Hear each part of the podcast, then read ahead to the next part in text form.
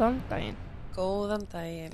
og verið velkomin í morðskúrin. Þakka þið fyrir Ég heiti Jóhanna og ég heiti Þórdís.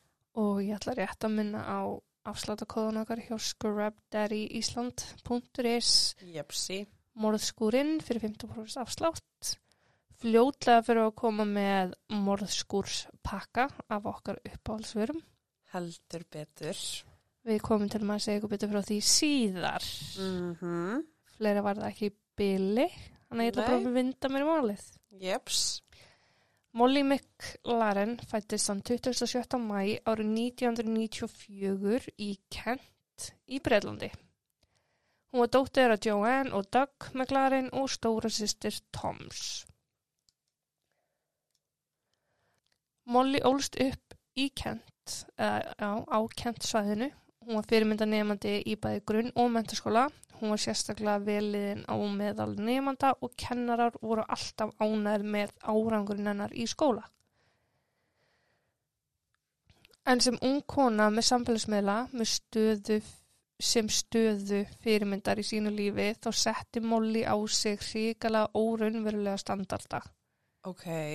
Um tíma þóttinni útlitt sitt vera mikilvægasti þáttur hennar personu og til að ná þeim markmiðum sem hún hafi sett sér þá hóf hún að svelta sig.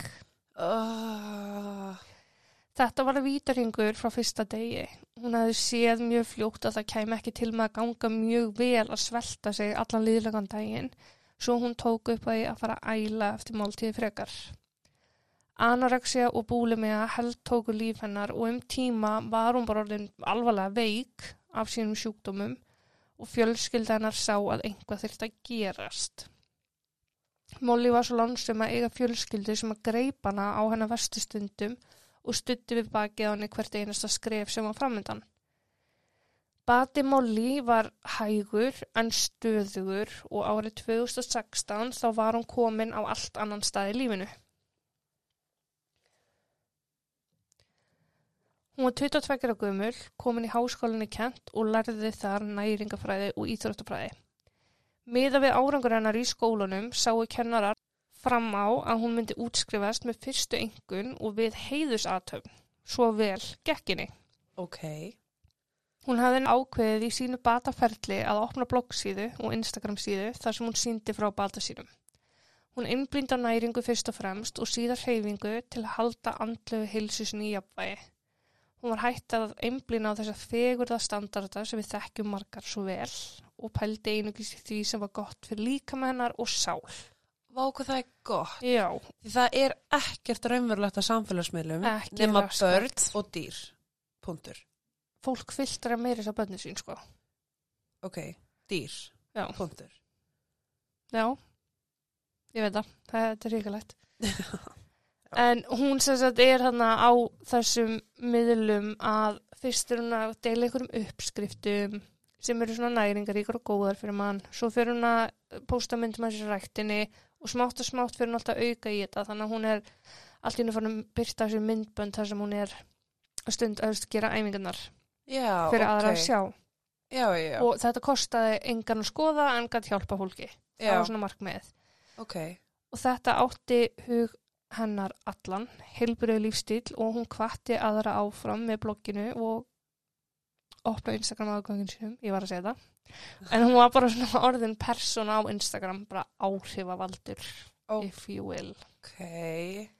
hún hefði kynst fullt af nýju fólki þú hún hóf námsitt í háskál, háskálunum og hafði mjög gaman að því að kíkja út á lífi með þeim og hennar líf mjög fullt af bæði fjöri og skemmtun. Hún hefði verið sjúglega feiminn þegar hún byrjaði í skólanum og var svona lítil í sér en smátt og smátt kynst svona einni og einni og einni og svo allt í henni áður hún vissi af það áttum bara heilan hópa vinum.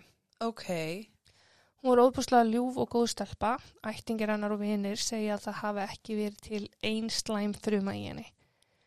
Hún hafði ekki verið í miklu strákastandi. Hún hafði alveg verið laus við alla kærasta og hafði bara verið að fókusera á sig og sitt. En Já. sumarið 2016 þá var henni einhvað farið að kýtla. Ó, þetta hljómaði ekki rétt. Þetta hljóma er ógeðslega. Hún var alltaf einhvað fann að pæla í strákum meira. ok, ok, ok. þegar hún var svona betur sett í lífinu. En hún hafði áður, en hún hafði áður verið. Ég er ekki maður að taka upp svo lengi, ég veit ekki hver ég er, Ég sko. var svona í gær, sko. Ég ætla að segja sömu setninguna svona 40 svona. Já, ég verður örugglega svo leys núna. og hún skráði sig allavega inn á hið marg rómaða Tinder. Þar svæpar hún og svæpar og henni fannst nú lítið varið í þessa menn svona í fyrstu en svo var það einn daginn að hún svæpar til hægri á mann sem henni þótti freka myndalögur. Sá var Joshua Stimpson, hann var 25 ára gamall, uh, hann bjó að sama svæði og Molly og virtist deila sömu áhuga málum og hún. Hann var í góðu líkamlegu formi og henni leist bara nokkuð vel á hann. Þau matcha á Tinder og hefja mjög fljótlega spjall. Og Molly, hún er einn mjög sniðu stelpa, hún hefði ekki haft í huga að hitta þennan mann neitt á næstunni. Ok. Næstu mánuðir fóru í það að spjalla saman nánast öllum stundum sólarhengsins og Joshua heitlaði Molly alveg upp úr skónum með hrósum og fallegum orðum. Hann sagði við hana að hann gæti bara ekki annað en starað á myndirnar af henni, honum þótt hún svo falleg. Hann sagði skita eitt öllum sólarhengnum í að tala við hana, honum fannst hún svo skemmtileg og Molly glifti við þessu öllu saman og eðlilega líka, svona menn vaks ekki á trjám. Já. Þeir gera þessum stundum, skilur við. Ekki við sjúksið flýðangað. Það var ekki fyrir nýjum nómabur sama ár sem þau fóru að tala um að hittast. Eftir að hafa kynst hvort öðru bara svona virkilega, virkilega vel. Eins vel og þú getur gegn skilabóð allana. Þau hittast og þau smetla bara svona svaklega vel saman. Ok, þannig að þau eru búin að hittast og hann er ekki catfish. Hann er ekki catfish. Ok, ok, ég var alltaf býtt því. Þetta væri bara nei, einhver... alls ekki sko. Ok. Bara myndalur strákur, allt í góðu, um, mjög góðu við hana í gegn skilabóð og lætu vel að sér og bara allt Ok. góðu. Það er til að byrja hann um pening. Tinder Swindler Það átti eftir að koma ljós að þau átti ansi mikið sammeðlegt annað en bara ást sína á reyfingu og næringu. Þau hefðu bæði verið að kljóstu kvíðu og þunglundi Joshua töluvert meira en Molly en þau voru sammála um það að þau gætu bæði verið vör um ástand hvers annars og aðstöðu hvort annað í leiðinni. Ok, það er jákvætt. Mm Molly hafði í fyrstu beðið með að kynna Joshua og vinkonu sinnar en hún vildi bara kynnast honum almennilega fyrst sjálf. Sem ég skil, af því að vinkonunar væri bara, æ, hann er ókslega leiðilegur, hann er Já. þetta, er ókslega hitt, en hún bara, ok, ég ætla bara að vera viss um þetta áður en ég vera að tróða þau minni myndinu líka. Akkurat. Undir áslög 2016, eftir tæplega tveggja manna samband, þar sem við vorum farin að hittast í personu, Mm. þá var Molly farin að sjá að Joshua væri bara trúlegast hinn eini rétti. Hann var búin að vera algjör draumprins, þannig eftir árumótin í byrjun janúar 2017 ákveður Molly að nú veru komin tími til að bestu vinkonur hennar myndi hitta þar hann fína nýja kærst sinn. Það var ákveðið að Molly og Amy, besta vinkonunnar, færu með Joshua í ræktina til að kynast betur. Amy, hún er ekkert að gefa sér neitt allt og mikið að Joshua svona í fyrstu. Henni finnst bara gaman að fylgjast með vinkonu sinni í svona ástfangni og hendur inn gríni svona við og við. Já. Eftir að þau klára æfinguna fyrir Joshua heim til sín og stelpun að fara saman. Molly verður hissa á skilabóðum sem Joshua fyrir sendinni eftir æfinguna en þau voru öll þess efnis að Joshua var að gefa í skinn að Amy var léleg vinkona. Dónaleg og hefði verið óviðegandi. Ok. Molly fannst þetta vera frekar byggt á einhverjum miskilning en Amy sá strax öll rauðu flöggin. Hún ákveður samt að vera ekkert að bögga Molly neitt með þetta en ákveður að fylgjast bara betur með þessu. Vera bara vörum með þetta, bara ok, þetta akkur Já. var hann að komast um vill okkar en vill ekkert stíga hann en að tær. Vikuna líða og smátt og smátt fara vinir Molly og Molly sjálf að taka við til því að hegðun Joshua er fann að breytast mjög mikið. Á nokkrum vikum hafði hann farið úr því að vera algjör draumaprins og í það að vera mjög stjórnsamur og frekur. Vinkonum Molly fannst hann reyna að draga hana frá þeim alfarið en Molly sá það ekki alveg svoleiðis. Hún var vissilega vör um að hann vildi eigða með henni óvönnilega miklu tíma en hún hafði svo sem ekki þekkt neitt annað þar sem þetta var hennar fyrsta ástasamband. Hann fyrsti almennlegur kærasti. En staðrindi var samt svo að Joshua vildi helst vera með Molly öllum stundum. Hann mætti óumbeðin allt sem hún fór og sannfæri sjálf sig og Molly að hann væri að vera henni stuðningur. Ok, Þú veist, bara nánast á klóstuðinu, sko. já. Já. Ok, Ef Molly vildi eiga dag með vinkonu sinum, þá var hann mættur. Ef Molly sagðist vera að fara út, þá svaraði Joshua, já ok, geggjað, hvert erum við að fara? Þannig að hún gerði ekki neitt lengur, hún var alltaf með Joshua í eftirdrægi og nú var þetta farið í taugarnar á henni líka af því að þegar hún ætlaði að fara að læra með vinkonu sínum sem voru í námi með henni að læra það sama, akkurat. þá var hann bara, ég skal koma með, ég skal hjálpa, ég ætla að vera stuðningur. Jésús. Uh, hún ráðfæri sig við vinkonu sínar sem að mæla bara með því að hún spjalli hans við Joshua um þetta. Molly ákveði því að ræða við hann í gegnum textaskilaboð. Hún sendir á hann að henni finnist þau vera saman 24-7 og að hún viti að það sé engum holdt. Og hún byður um að fá smá andrými, bara aðeins smá spes, Mhm. slaka á. Já, Joshua bregst hinn versti við og snýr vandamálunu alfarið yfir á Molly. Hann lætur út þessi ljóta hluti sem að Molly bara átt að kingja og vera sammála. narsist. Já, þetta heitir auðvitað bara gaslýsing. Já, Þetta átti svo eftir að halda svona áfram í einhverja vikur þar til að Molly fær bara endanlega nóg og hún ákveður að slíta sambandi sínu við Joshua. Joshua bregst hinn allra vesti við þessu, fyrst með því að drulla yfir hana en síðan með því að grátbyði hana um að koma tilbaka. Hann myndi hana á öllu góðu tímana og alltaf góða sem þau höfðu. Bara átt. já, Hann minnir hana á hversu fullkomin hún væri og viðir kennir sína eigin galla. Molly ætlaði að standa först á sína ákvörðun en eftir nokkra vikur af þessu þar sem að hann er endalust að senda henni skil og búið að byggðast afsökunar og byggða um hann tilbaka um, þá fann hún að hún elskaði hann ennþá og vildi endilega reyna á þetta aftur. já, Vinkonur hennar ráðlaði henni að leifa þess að líða bara, sleppa því að taka við honum aftur og láta hann bara alveg eiga sig. En Molly ákvaði að fara gegn ráðum vinkona sinna og að þeirra sögn vegna samviskubits. Þess að vinkonunar eru bara vissar um það að Molly hafi verið með nagandi samviskubit að láta Joshua líða illa. uh, var kannski bara svolítið meðvirk. Uh, já, mjög. Já, Hún hafði aldrei gert neinum neitt og hún var almennt svona frekar undigefin ef einhvað var. Veist, henni líst svona sem, hún var alltaf þessi fyndna, þessi skemmtilega og forðaðist alltaf ágreininga. já, ok. Þannig að þetta var mjög líkt henni að bakkur sinni eina ákvörðun til þess að þóknast honum. Akkurat. Þannig að þau taka saman aftur og Joshua er draumaprins í nokkra daga og tekur svo upp þráðin aftur. Stjórnsamur, frekur, dónalegur og bara vondur. Vinir Molly voru með algjört ofnami fyrir honum og vildu helst ekkert verið kringum hann en það var bara ekkert svo auðvelt af því að hann hjekk alltaf í raskatur á Molly. Ég er komið með fyrir honum. Já. Hún var alltaf með henni afturdrægi og ef vinirnir ætlaði að hitta Molly þá urðu þau bara að sætta sig við það að Joshua kæmi líka. Joshua og Molly voru farin að rífast meira. Molly var farin að svara Joshua fullum hálsi og leta hann vaða minna yfir sig. Eða hún, hún bara, stráðurinn hennar var orðin stittri. Hann óð alltaf yfir Já. en hún var bara slappa af. Þú veist, hún var farin að svara fyrir sig. En ég meina, átti hann enga vini? Það var eitthvað lítið af þeim. Það var lítið af þeim, Já. ok. Ok, það er alveg útskýri margt. Mm.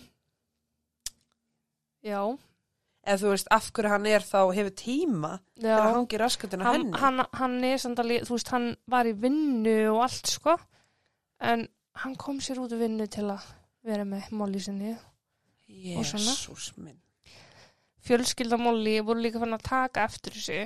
En Molly hafði farið og gist á hóteli með fjölskyldu sinni þar sem að Joshua tók Arju á Molly í síma yfir því að hann hafi ekki fengið að fara með og vera með henni í þessari ferð. Já. Og þá er mamman og pabbi bara, ok, hvað er í gangi? Og Molly segir mömmu sinni hvernig væri og þær taka þarna hálgera ákvörðum saman um að núna væri svolítið meikur breyk framöndan í sambandinu. Já, Annarkvort myndi þetta lagast og strax eða aldrei. Þannig hún Molly ákvör að bjóða Joshua með sér til Tenerife. reyna að rækta sambandi þeirra svolítið svo þau geti náð fyrir tengingu aftur. Af því að fyrstu mánuðinir í þeirra sambandi, þessir fyrstu tveir til dæmis, voru draumi líkast. En hvað var í gangi þessu fyrstu tvo mánuði? Já, Hún var bara með honum. akkurat. Þau fara til Tenerife og voru ekki búin að vera þar í sólaring þegar Molly var farin að senda mömmu sinni og vinkonum skilabóð um að hann væri bara alls ekki að fara að breytast og að hann væri hreinlega að skemma ferðina fyrir þeim báðum með frekju og yfirgangi. En já, þann 27. mæ var 23 ára afmælistæður Molly. Þau parið voru nýlega komin heim frá Tenerife. Molly alveg gjörsamlega komin með upp í kók og þau búin að vera hnakkrífast í marga daga.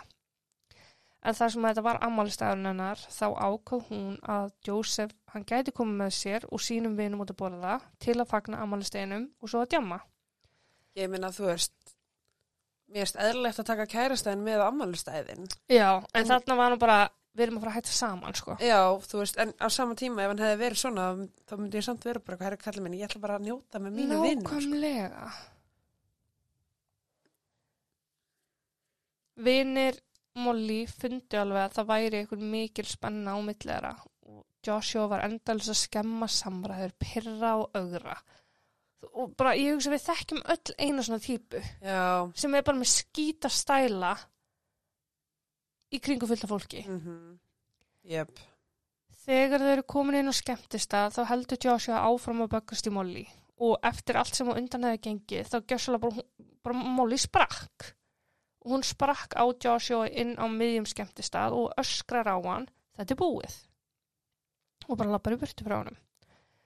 Joshua fer bara yfirum og öskra öskrar á alla vinarnar að Molly sé komið með nóa sér og reynir að tala við Molly og Molly öskrar á hann og hann og hanna og allt í volli. Joshua endar á því að fara bara út og Molly blokkar hann á öllum samfélagsmiðlum alveg harð ákveðin í að þetta sé alveg búið á millera. Ok, bara pældi að leifa hann að koma með í amaliðitt og þú endur með að hætta með honum. já. Líka bara á ammálistægin, Já, come on. bara þú gerir þetta allt glátað. Emmitt, Eina sem, jú, þú, e, það eina góða í þessu er að þau hætt saman, skilur já, en já, Josh Joshua tók vægast sagt ekki vel í samfallslitin og fyrsta mál á dagskrá hjá honum var að drulla yfir Molly inn á öllum sínum miðlum af því að það er að fara að hjálpa þér. ángríns Hann dreifði legasögum um að Molly notaði kókain, að hún var ennþá með búlimíu, væri búin að sofa í hinum með þessum og ég veit ekki hvað og hvað. Og í hverjum status sem hann skrifaði eða postaði, þá passaði hann sig að taka annarkvör fjölskyldu eða vini Molly til að skilabúðin kæmust pottið til hennar. Jésús. Og Molly, hún er alveg svona internet persóna í sínu samfélagi. Já. Því er þetta svolítið að stopna hennar vinnu í hættu. Uh -huh. En blessunlega þá vissu allir að þetta væri ekkit rétt sem hann, að, sem hann var að reyna að sannfara fólkum. En enga síður, Molly sem hafði verið að kljást við mikinn kvíða, tóku sér mjög nærri sér og bara skiljanlega. Þú veist, hún hafði áhyggjur af, af bara sinni atunu. Já. Áfram hjælt Joshua niðurlega fyrirvændi kærust sína á internetinu og eftir að Molly ráðfæri sig við mömmu sína þá ákveður hún að fara niður á lauruglustöð og tilkynna þetta. Hún var með hellingagögnum í höndunum, skjáskot af alls konar samræðum á milli þeirra og svo stöðu fæslunar frá honum. Á lauruglustöðinni fá þær ágætismótugur. Lauruglan er ekkert að sækjum nálgunabann á mannin en þeir eru að gefa Molly þú veist góða ráð og annað slíkt. Ok. Þeir ákveða svo að ringja í Joshua fyrir framann Molly og móður hennar. Hann svarar og lauruglan kynni sig og ræðir bara hvað máli sé um og segir svo við hann nú hættur þessu alveg, við þurfum ekki að hafa samband við þið aftur um þetta. Og Joshua svarar nú, eða það ekki. Og svo bæti svo við, ég hef ekki gert neitt af mér og ef ykkur finnst þetta vera rangt þá býðið þið bara, já miklu meira inni. Ah. Molly var alveg hægt að lítast á blikuna þarna bara þegar hún heyrir þetta Já, og læti vinkonu sinni vita að rödd Joshua hafi bara verið mjög ógnandi í þessu símtali við laurugluna og upplifun hennar er bara ok, Joshua líður eins og bara hann sé óstöðvandi og hann er að upplifa það að ég sé hans eign. akkurat. Móður Molly er sammála svo þær ákveða að prenta út myndir á Joshua og dreifa myndunum af honum í nærleikandi hús í nágruninu sinu til að bara láta fólk vita. Bara hei, ef þið sjá hann mann hérna, þá er það ekki í lægi, ringi lauruglu, láta okkur vita. Já. Sérst í nágrunni hennar að því hún var komið nálgunubann. Nei, hún fekk ekki nálgunabann en bara, þú veist, voru að byggja nágrunni ef þið sjá hann, Já, þá ertu komið láta okkur vita. Já, Já. ok. Lífi heldur svo bara áfram sinn vanagang. Molly finnst alltaf eins og hún neyðist til að vera vör um sig. Hún er bara með ónóta tilfinningu oft á dag allstaðar. Já, bara þú veist, eins og sé eitthvað að fylgjast með. Já, nákvæmlega það. Hann er ekkert fara að hætta þarna bara, Nei. Joseph nefnilega heldur áfram að senda henni skilabóð sem hann fær engin svör við. Hann er alltaf skipt um símanúmer og þú veist eitthvað svona vesend til þess að ná í gegn og hún er alltaf bara blokka, blokka, blokka. Hann sendir henni myndir af henni sem hann er að taka af henni bara það sem hann er að labba. þú veist, er þessi gæði með 50 tíma í Sólring ángríns og er alltaf að spyrja henni bara af hverju þetta klætt svona, af hverju þetta í þessu, Oj. hvernig þetta er að fara út svona. Þú veist, myndir af henni bara, herru, ég var hérna fyrir tímyndum og nú er mynda mér Já, þar. Litla áriði maður. Nákvæmlega, en svo, þú veist, þetta er þetta er svona mjög mikið en byrjun, en svo er þetta aðeins að minka. Ok, En um sumarið, mánuði eftir að þau hætta saman, þá er skólinn búinn. Allt í blóma, Molly fær fréttur um það að hún hafi komist inn í áfanga fyrir næstu önn sem hún hafi sótt sérstaklega um að komast í. Þetta var svona íþrátt áfangi sem ekki allir komast í. já, ok. Besta vinkunarnar hafi fengið stuðahækun í vinnunni og í tilefni þess þá er ákveð að fara út að borða og það er að gerast 20 ég er svo heila blóðfall Ég kann ekki skyndi hjálp. Nei. og það er gert 28. júni árið 2017 þau setja sér saman á veitingstað og bara allir í góðu skapi hlaka til að borða, fara svo að djama eftir að við erum búin að setja á því svona 20 mínúti þá mæti Joshua og hann mæti með annari stelpu. Ok, sem er náttúrulega bara mjög vandræðilegt já, og Molly var skýt sama um þessa stelpu annað en bara að þetta skemmti kvöldu hennar með sínum vinum. Að þurfa að sjá hann. já, að taka Já. sitt þú veist, örgulega fyrsta svona post break-up date. Já, og það sem var verra var að Joshua alltaf að lappa fram hjá borðinu þeirra. Veist, hann gæti tekið smá sveig og sleppti að fara fram hjá borðinu. En það var eins og hann verið viljand að lappa fram hjá. Ok, en sorry, að þú ert- einu veitingstað að geta, hversu oft stendur upp og ert að ganga eitthvað. nákvæmlega. Molly fær bara ógeð. Hún er bara ok, þetta er skemmakvöld með getur við farið eitthvað annað? Það er ákveða skipnum stað en Molly stoppar ekki þar mjög lengi. Hún ákveður fyrir að fara bara heim snem, snemma Já, og horfa á Love Island. Ég hef bara aldrei tengt við neitt eins fast í lífinu. Uh, stelpunar eða vinir hennar og vinir hennar reyna hvetin að vera áfram að láta þetta ekki skemma kvöld og hún er bara svona, nei, þetta er alltaf þú veist bara, ég er bara komin nóg í kvöld. Ég ætla bara að mæta rektinni fyrir málega og ég er bara góð. Ok, svo kemur hún heim og hún hendur í Instagram post og skrifar í caption that feeling when your ex shows up.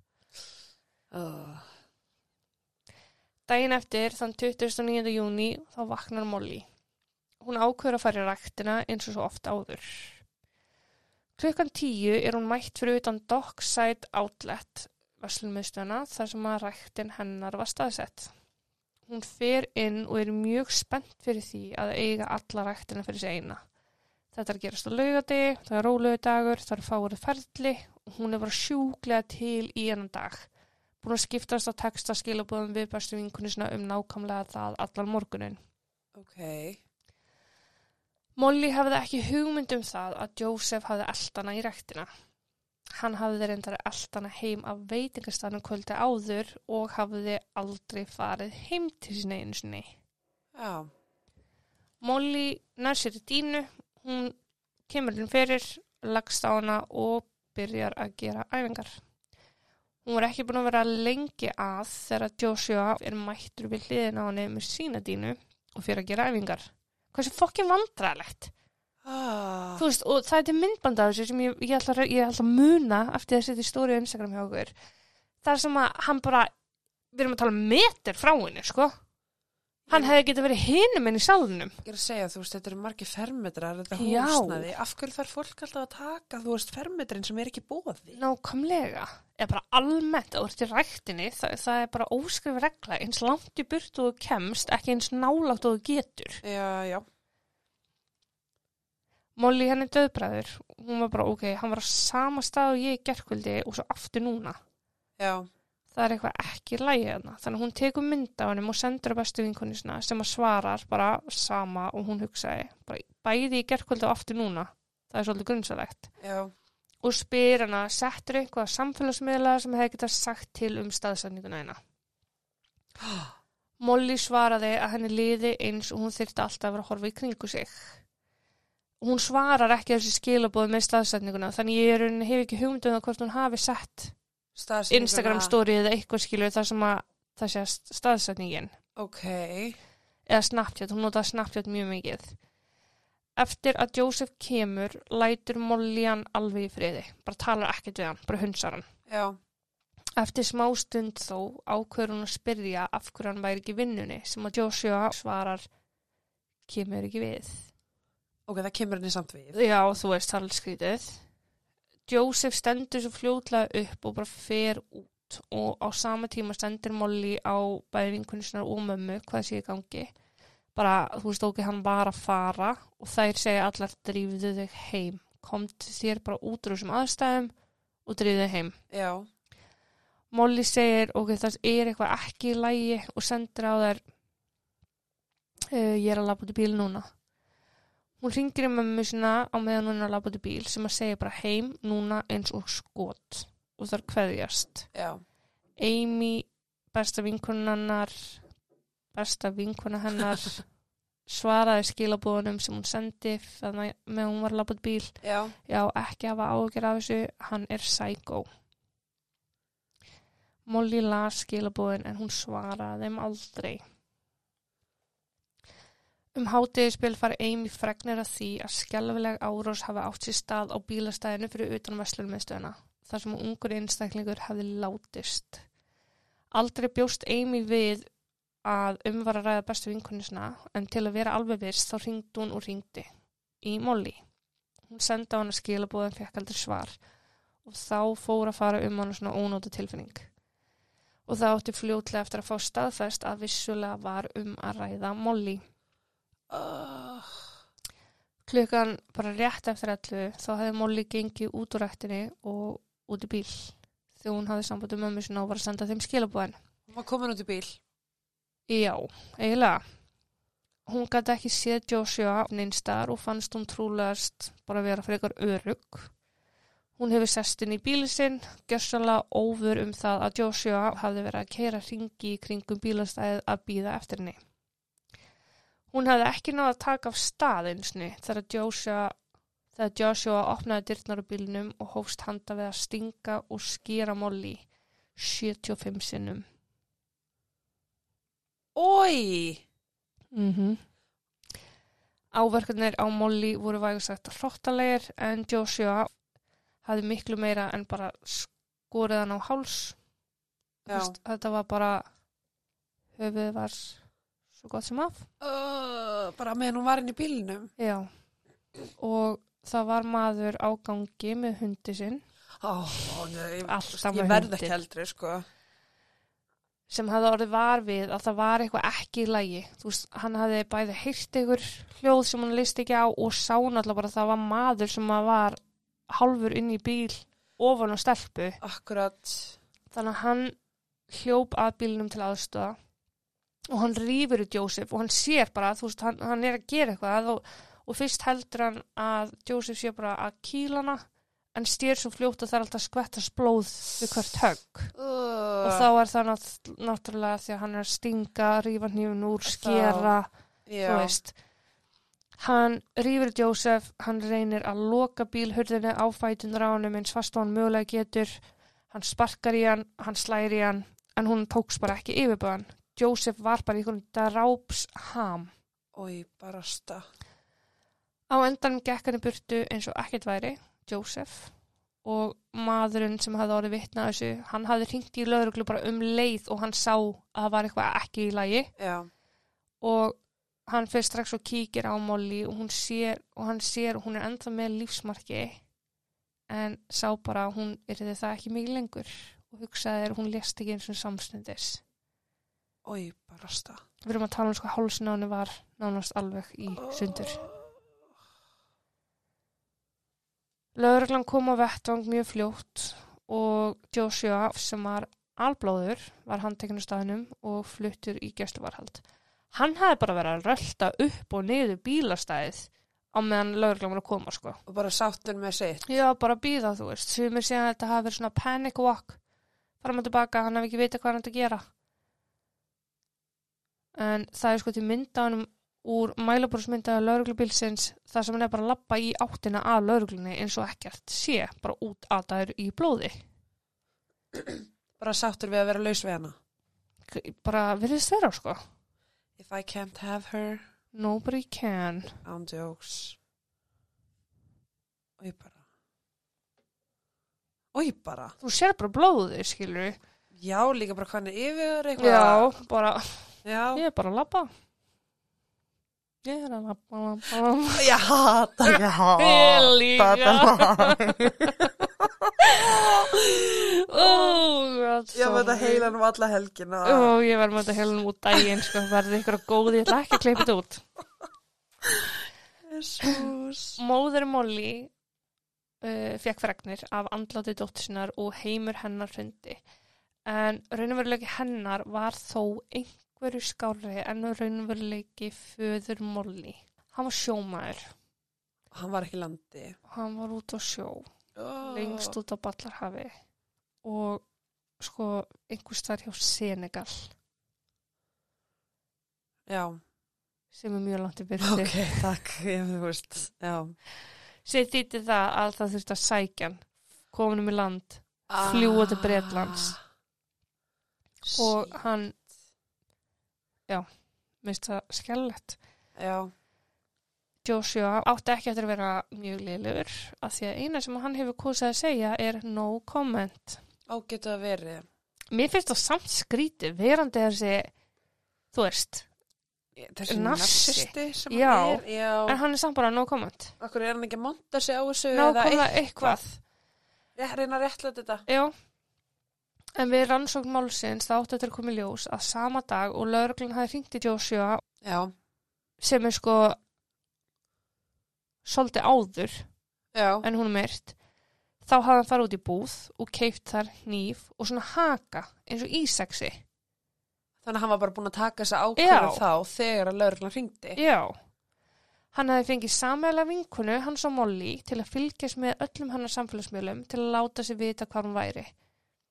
Og að því að Molly var mjög dugleg almennt að deila öllu, staðsetningu og annað, þessna leiðin alltaf eins og það var eitthvað fylginni, af því það var eitthvað fylginni. That fucking bitch. Nákvæmlega. Uh, Og það er sett stelpan sem að mætir með honum á deytið, uh, á veitingstanum. Lilla samvinsku bitið. Ég ætla rétt að vona það. Joshua hafði smátt og smátt mist úr vinnu, nokkru tímar hér og þar. Yfir þetta tímabil frá þau að það hætti saman Já, í lókmæ og þar til hann í lókjúni.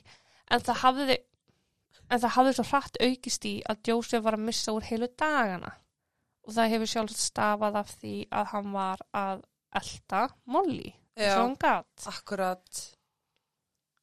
Samkvæmt Joshua sjálfum hafði hann verið að kljást við gífuleg andleg veikindi, þungveikindi, persónleika raskanir og gæðkvarsíki sem var um tíma með öllu ómeðhandlað. Þetta sér hann hafi verið í kjölfar skilnað fóreldra sinna. Ok, þú veist, tek það ekkert frá honum. Mamman sem yfirgaf heimilið, flutti annað sem hann tók mjög nærri sér og hann ólst upp hjá pappa sinum og ég get ekki betur séð en að það bara hafi verið allt í góðu þar. En það getur náttúrulega bara verið nóg til að barn upplifi óbúslega höfn og mikla reyði í kjölfarið. Já, Og skilnaður getur bara verið nóg, einn og sér. nei, algjörlega, sko.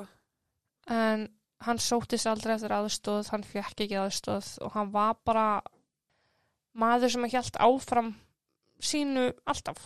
Hann skipti um kærustur oft, hann áreitti margar þeirra og það átti bersinlega eftir að koma í ljós við réttarhöldin. Ok. Joshua var kærður fyrir, ákærður fyrir bara á mannamáli morð af fyrstu gráðu. Já. Bara efsta stig, það, er bara, beint Já. til staðar, sko. hann neitaði sök þar en sagðist gangast við því að hafa framið manndráp í gálleysi. Þetta er 75 Já, það var stundur og skurður vinnur. En nýfurum bara lakin. Já, og bara var óvart keiftur tveim vikum áður Já, akkurat. ásamt í sexinni sem hann notaði reyndar ekki. Og þetta var akkurat uh, fyrirhandi kæristan hans. Já. En ekki bara einhver Jóna frá Súðuvík, Nei, frá Súðavík. og ringinir í kringum bílastæði, hann var ekkert að býða neitt sko. Hann bara var rúndinum og svo vildi tilvölinlega til að þessi stelpa labba út og úps og það var fyrirhandi kærastan. Já, vá. Leiðilegt þegar hendina manni tekur svona stjórn bara á... Ríkalegt, ég ætla að vona að ekki ekki þessu. En það þurfti að aðtöga hvort hann væri bara hæfur til að ganga í gegnum réttaröldin.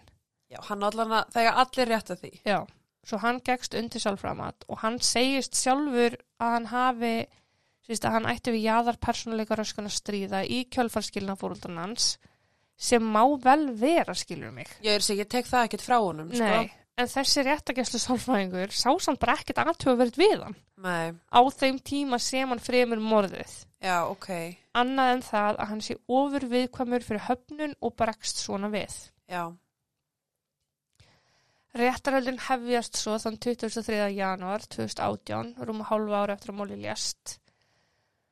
Og sko, konur sem að Joshua hafði hitt í gegnum árin báru vittni og þar átti enn frekar eftir að koma í ljós að hegðun Joshua í sambandi sínu við Molly var engin tilviljun og ekki í fyrsta skipti.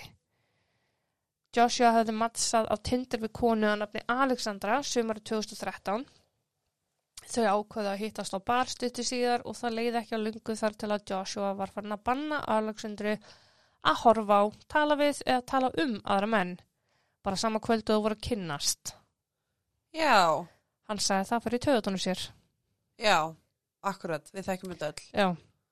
Kvöldi heldur áfram, þau djamma og svo segir Alexandra bara bless við Joshua og fer heim. Hún vaknar svo með 25 ósverðu símtöl daginn eftir frá Joshua sem honum þótti bara nokkuð eðlilegt. Ég bara svaraði mér. Já, hún bara svaraði ekki fyrsta símtalinu þannig að hann bara hringdi aftur. Já, ok. Þetta samband endist ekki lengi en Joshua let sér ekkert segjast. Hann hjælt áfram að áreita Alexandru í langan tíma eftir að þeirra samband, ef samband má þá kalla, Já, lauk. Hann sendi henni myndir af henni sjálfuri, alveg eins og hann gerði við Molly og spurði af hverju hún væri klætt eins og hún væri klætt. oh, Alexandra var svo erlendis í skemmtiferð þegar hún fekk skilaboð frá Joshua um að hann ætlaði að koma með næstu vél og drekja henni. það var romantist. Já. Og samskiptunum lauk svo með því að Joshua sagði manni sem var þá orðin kærasti Alexandru að hún hafi sofið hjá bróður þess kærasta. Já, ok, wow. Svo fór hann og tók myndir af bakarði Alexandru og sendinni en hún hafði aldrei nokkuð tíma sagt honum hvar hún byggi. Og svo kórónaði hann þetta með því að skýra á öll dekk á bílnum hennar. Hann er bara, þessi höfnun Já, hefur farið rosalega illa í hann. fokkaði hann upp, sko. En það er réttlega ekkert Enga sem veginn. hann er búin að vera að gera. Engar. Og ef þú getur sagt þessi höfnun fór með mig þess næri svona, ertu þá ekki jafn færum að leita aðstofar af því að höfnunin, Akkurat, þú veist að þetta er staðar. já. Þú veist að þetta er þú vandamál. veist hver rót vandamálsins er, Já, þú nót, já, en þú vilt ekki laga það. nei. Lía Hubbard hafi kynst Joshua í mæi árið 2016, bara mánuði áður en að hann kynnist Molly og hennar lýsingar á samskiptu sínum og kynnu við Joshua voru yngur skári en Alexandru. Lía og Alexandru hefði hist Líó og Alexander. Líó og Joshua hefðu hist mjög fljótlega eftir að þau kynntust á stefnumóti fóröndi og hist í nokkuð skipti. Það kom svo að einu förstu deginum þar sem að Lía var að fara í gæsun vinkonu sinnar og gat við ekki eitt tíma með Joshua. Hann brást ekkert sérstaklega illa við þessu en eitti mjög miklum tíma í að yfirherna vel og vandla hverja áallanir hennar væru, ætlaði hann að tala við aðra stráka, horfa á aðra stráka eða hugsa um aðra stráka en hann. Já, Þetta listi skilds mér hratt og öruglega en þegar að Lía hafði, hafði aftur ekki tök á að hitta Joshua tvimdum síðar þá byðu hennar ósveru símtöl og mjög orðljót skilabóð. Þannig að þetta er svona, hann gaf henni sjans ógægt mál, þú getur ekki hitt mig núna en tvimdum setna þar fórstu austrikið. já líka, bara, líka bara hugsa um eitthvað. Þú veist, ég get bara sagt það hér og nú, við erum til dæmis öll Já. og allar að hugsa um Johnny Depp akkurat núna. Nákvæmlega. Is that a crime? Samkvæmt Joshua Já, þú veist, ég get líka bara sagt, nei, ég er ekki að hugsa neitt, þú veist, hann getur ekki... Nei, ég, sé að þú ert að hugsa já, Já, þetta er alltaf Þetta er bara, já, já, þetta er bylun sko. Þetta, þetta er bilun. en Lía ákveður kjálfæri að slíta samskiptu við Joshua einhver viku síðar, bara búin að þekka henni viku og koma ógeð. En hann, sérst, hann lætur henni almennt í friði eftir það en eina nóttina mjög random þá bankar hann upp að heima hjá henni eftir djam sagði við hana að hann hafi týnt vini sínum og hann yrði að hlaða síma sinn. Og Lía er bara ok, þú ert ekki búin að gera mér neitt hann sér, þannig bara, ég hleypi þér inn en þegar síminn hans var hann full hlaðinn, þá bara bað hún hann um að fara. Þá fór Joshua bara hágráta þar til að Lía gaf sig og lifði Joshua að vera þar til næsta morguns. En hún leta hann líka vita því þá að ef hann einhvern tíma leti sjá sig aftur heima af sér þá myndi hún kalla til lögreglu. Og hann let þessa stelpu í friði alveg eftir þetta. Ok. þannig að ég að bara hlýtur að vera að hann finni bara á manneskinu hvort hann komi til með að ná stjórninni eða ekki. Já, þú veist að því að hann gefst upp á nokkrum uh en gengur svo svona langt, langt með Molly. Já, er það ekki bara því að Molly var í mitt bara brotinn og, og orðin meðvirk, mjög meðverk alveg potið sko. Því að það voru líka alveg fleiri sem að sögðu frá atveikum þar sem að Joseph hafi skvett á sig drikkjum, hendi sér hlutum og jafnvel hrækt á sig bara fyrir það að segja nei, má bjóða drikk, nei, nei, herra ok, hérna er drikkur í andldagur, má bjóða í dans, nei, nei, herra ok, hatú, þú veist, Þú. já, Já, þetta er hérna flottur, flottur maður. mm. Lögreglan vissi vel að hægðan Joshua í gegnum árin, þetta var alveg bara mjög vel þekkt og skýslu þess efnis átti bara eftir að styrkja mál lögfræðingana sem að fóru með mál Molly fyrir utan þessa frásagnir frá þessum stelpum. Það tók fjóra tíma fyrir kviðdóm til að komast að niðurstöðu og þann 7. januar var hann dæmdur ekki fyrir mandrap og gáleysi heldur fyrir morð, lífstíðfangilsi eða það sem nemur að minnstakosti 26 árum. Dómari hafði orð á því að hann væri á, þeirri skoðun að Joshua væri hættulegur samfélaginu og sérstaklega konum og talin vera mjög líklegur til að brjóta sig aftur ef hann myndi losna. Og var sér satt sakhafur. Saghæfur já, möllu. Þess að segja bara, sálfræðingur sá ekkit að töfvert við hann. Ok. Joshua hefur skils mér aldrei sínt neina yðrun. Hann gengst ekki einu sinni við brotin sín, skiluru. Nei, Og hann hefur ekki byggðið nokkurt mann afsökunar. akkurat. Fyrir utan það að hundruðum manns mætti í jarðaförunana Molly þá hafa vinir og fjölskylda Molly haldi minningu hennar á lofti með alls konar aðförum. Molly fannst til dæmis mjög gaman að djamma og því full ástæði til að halda Molly fest árlega. Nei. Mm -hmm. Ok, hvað hvað hljóma samt, þú veist, Molly fest. Já. Já, þú meina Molly, Já. já, MDMA Molly. Já, þú veist, já. Já. Þetta er kannski svona, já. En samt, vá. Mm og það er sérst haldi árlega alltaf á ammalinnar og það er bara að það mæti allir saman og djamma og dansa og það er tónlist og það er fjör það eru einhverju tónlistamenn sem hafa gefið vinnu sína tilminningar um Mollys og einhvað sína Ok, geggjað. við útskrift samnefnda Mollyar þá Mollyar? Molly þá voru fóldar hennar heiðurskerstir þar sem að þeir tóku eða þar sem að þau tóku við útskriftaskirtinu Molly og var hún gerð að heiðurs, heiðursnemanda alveg eins og kennararnir hafðu gert ráð fyrir þó það veri vissulega ekki undir þeim kringustæðum sem þau gerði ráð fyrir.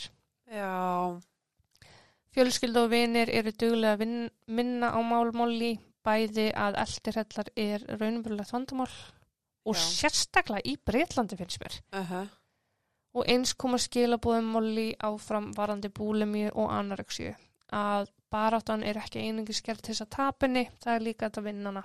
já, Eins er þau með alls konar fræðslu fyrir fóreldra og aðstandandi, þeirra sem að þjást af þessum sjúkdómum og eru með alls konar tengilið til að koma fólki áfram í viðeigandi aðstóð. já, Eh, Molly McLaren Foundation Donation. Nei, what? wow.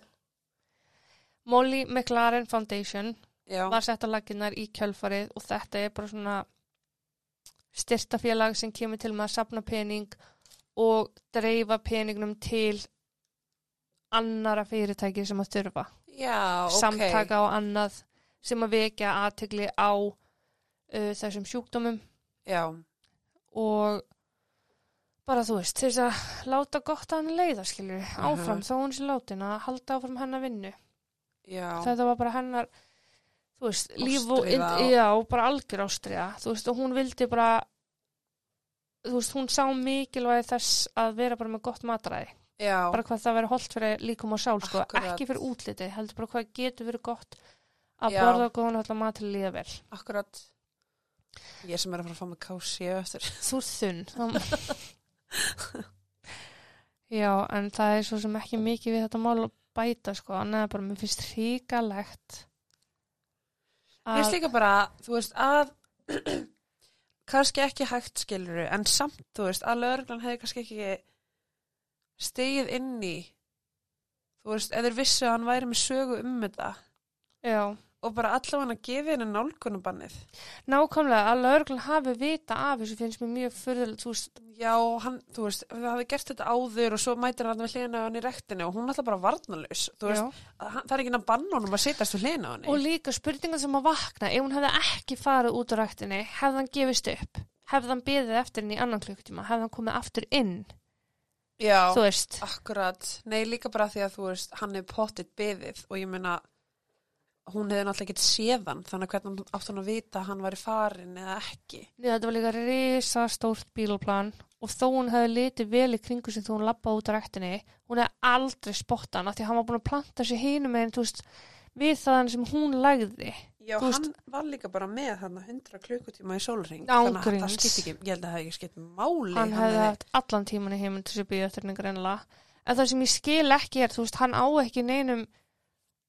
orðaskiptum við hana áður en hann bara fer og stingur hana.